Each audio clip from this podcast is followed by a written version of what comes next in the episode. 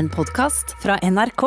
Nå skal vi til uh, ukas høydepunkt, vil, vil, noen uh, mene, nemlig Fredagspanelet her i uh, Nyhetsmorgen. Tre gjester er klare for å se på noen av ukas overskrifter. Det er Mathilde Fasting, tenker lurt i Civita til vanlig. Arve Juritzen, forlegger, er du klar for bokhøsten? Veldig klar for bokhøsten. Ja. Ja er, nå er det full fart. Nå er full fart. Og så har vi med oss en nykommer også. Med fra studio i Tromsø er Johan Vasara. Student, småbarnsfar, bysame, listekandidat for Arbeiderpartiet. Har jeg glemt noe nå? Nei, jeg tror du fikk med alt. Ja, men Så bra. Vi begynner i det kongelige hjørnet. For språkspaltist i Aftenposten, Kristin Storhusen, spør altså hvilken tittel prinsesse Ingrid Alexandras fremtidige ektefelle bør få. For eh, at en konges kone skal eh, kalles dronning, tar vi jo som en selvfølge, men hva med en dronningspartner? Behøver ikke å være nødvendigvis konge. Og I Grunnloven så har også kongen en helt spesiell eh, rolle. Historiker Trond Norén Isaksen forklarte i Dagsnytt 18 denne uka hvordan situasjonen har blitt det han kaller litt absurd i Nederland. Hvor dronning Beatrix var gift med prins Klaus, men da hun abdiserte til fordel for sin sønn, så ble hennes sønn kong William Alexander, hans kone, ble dronning Maxima. Ikke prinsesse Maxima, som hennes svigerfar hadde vært prins Klaus. Og Det er jo en helt åpenbar forskjellsbehandling, utelukkende basert på kjønn. Ja, Mathilde Fasting, eh, bør partneren til prinsesse Inger Alexandra bli konge eller, eller dronning, for den saks skyld? Jeg endte på nei. Du endte på nei. Hva med deg, Johan Wassara? Ja, jeg er nå en sånn likestillingsfyr, så jeg tror jeg bikker mot ja. Arve Juritzen? Ja, så likestillingsfyr, men her henger jeg etter nei, svarer jeg. Ok, Da begynner jeg i Tromsø. Eh, Johan, hvorfor eh, svarer du det du svarer? Nei, jeg tenker jo eh, ekteskapsinngåelse i seg sjøl mm, har et element av likestilling i seg. Man går inn i, inn i ting som to likeverdige parter. Eh, i utgangspunktet. Eh, og så er det jo klart at Kongehuset og kongelige titler og sånt, det er kanskje litt mer eh, komplekst enn som så, og vil nok kanskje kreve noen juridiske endringer eller ja, flikkerier i Grunnloven bl.a. For å få til en god og trygg balanse i på en måte hvordan denne kongetittelen eller dronningtittelen eventuelt skal rangeres i sånn juridisk forstand. Mm. Men, eh, men, i utgangspunktet så tenker jeg det er, det er, viktig å ha med seg et likestillingsperspektiv her. Og, og dronning Sonja jo, var jo kanskje ikke dronning før hun gifta seg med kong Harald. Eh, og, og det jo, har jo gått eh, fint til. Mathilde, Altså jeg tenkte uh, Likestillingsperspektivet aller først, så, så, måtte jeg jo le litt, da, for det er jo en god stund til dette her, så er litt langtidsplanlegging. Men jeg syns at uh, det er i hvert fall greit for, uh, for den som skal eventuelt bli partner til Ingrid Alexandra Hvite på forhånd, da, for at det kan bli mye, mye kluss. Altså Vi kan tenke på han ikke stakkars, men den ektefellen til Elisabeth i UK. Duken. Duken ja. Han vet du, han eh, syns jo ikke det egentlig var så veldig fint eh, sånn, sånn, egentlig. Han ble jo aldri konge, men hvor skal han gå hen, og hvilken plass skal han ha? Og ser du på den første Elisabeth i Storbritannia, så hun bare valgte å gifte seg, ikke, så der var det jo ikke noe problem. Og det samme var jo for så vidt her. Har vi jo to Margreter i rimelig nærhet. Det ene er hun som var dronning her, som var dronning fordi mannen var død, så da var det jo også greit. Da ble hun dronning alene. Og eh, Margrethe i Danmark eh, hadde jo også en prinsegemal.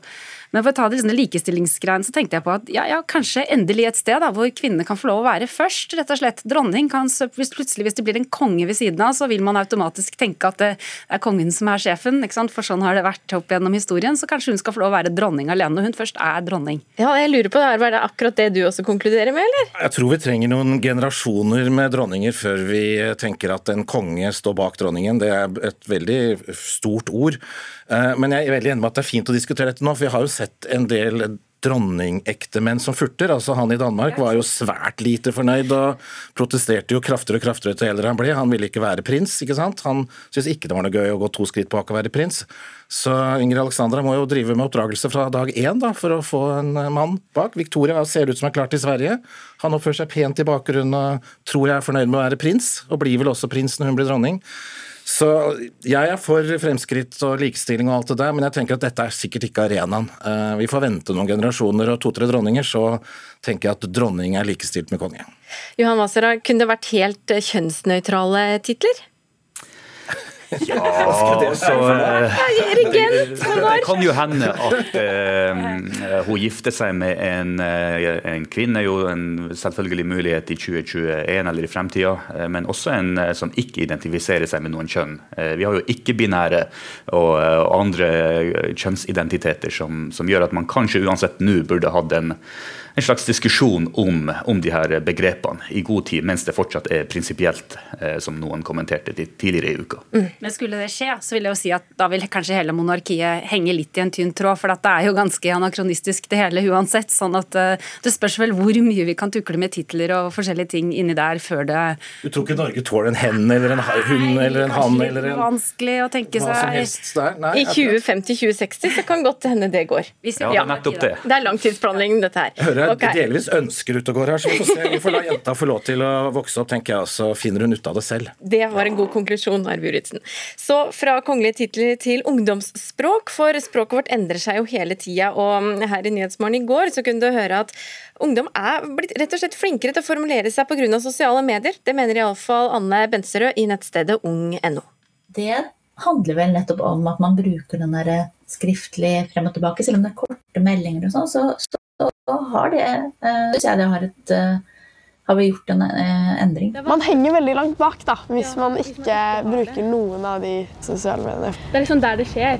Ja, og Du hørte også noen av de unge skuespillerne i NRK-serien Lik meg, hvor dialogen er mye basert på hvordan ungdommer rett og slett kommuniserer via Snapchat. Bidrar da sosiale medier til at unge blir flinkere til å formulere seg? Mathilde Fasting? Ja, jeg vil, kan definere formulere etterpå, men ja. Johan Wassera? Eh, Ja, absolutt. Det, det vil jeg tro. Arve Juritzen? Nei, her får, jeg, får du et svært digert nei. Absolutt et nei. Du kan få lov til å utdype med en gang. Nei, Her kommer forleggeren og språkmannen inn. Altså, det er klart at Det skriftspråket som utvikler seg nå via alle disse korte meldingene, er jo et utrolig fattig språk. Hvor nyansen er borte, hvor følelsen er borte, hvor altså det er mangler jo ord. Og jeg ser på meg selv også, jeg sitter og sender meldinger og trykker, og når jeg nå skal skrive noe, noe hva skal jeg si, mer sammenhengende, så ser jeg jo etterpå at setningene mine er jo fattige. Altså Det mangler alle de ordene som gjør at det er interessant å lese, alle de ordene som gjør at vi føler hva skribenten vil ha. Ja, Utdyp litt mer det. Nei, altså du skal skrive en kort melding, og det er d, r, b, k, ikke sant? Og en del andre sånne ord som, eh, som ungdommen skjønner og vi ikke skjønner. Det er nå greit at vi får nye ord, men vi mangler jo følelsene, alle de ordene som er imellom, som du tar bort i en, i en tekstmelding. Som jeg også tar bort i en tekstmelding. Så jeg må sitte meg ned nå etterpå hvis jeg skal skrive en god tekst, og legge inn ord her og der for å få det til å bli et språk som er interessant. Så dette gjør språket fattig. Ja. Johan? Nei, altså Vi må ha med den, litt av den historiske konteksten her og, og se litt tilbake i tid. Jeg vokste opp på 90-tallet eh, og begynnelsen av 2000-tallet. Jeg vil ikke si at det språket var så veldig mye rikere da, altså før sosiale medier. Det, var, det gikk i liksom dassvegger og, og vegger og ungdomsskolen og sånt. Så, så jeg vil jo si at det språket som føres av ungdom på sosiale medier i dag, er litt mer utfyllende enn det som jeg så i dassveggene på ungdomsskolen i Kautokeino på, på 90-tallet. liksom. Så, eh, og i hvert fall i det samiske samfunnet så ser jeg jo at det, det har faktisk løfta språket litt. For man har fått flere arenaer å bruke språket, kommunisere med hverandre, og ikke minst på en skriftlig måte. Samisk har jo vært et veldig muntlig språk gjennom alle år, så, så nå har vi fått en veldig stor skriftlig arena der vi kan bruke språket. Så ja, det har vært positivt, i hvert fall for det samiske. Og jeg vil påstå det samme også for, for det norske språket. Og du er enig, Mathilde? Ja, altså, jeg tenkte på formulering, og så tenkte jeg, du var jo selvfølgelig inne på det skriftlige, og der eh, tenkte jeg å stille spørsmålet har dette her slått inn i norsk stil, eller eventuelt i engelsk, for de bruker masse engelsk. Har det blitt bedre engelskkarakterer i skriftlig?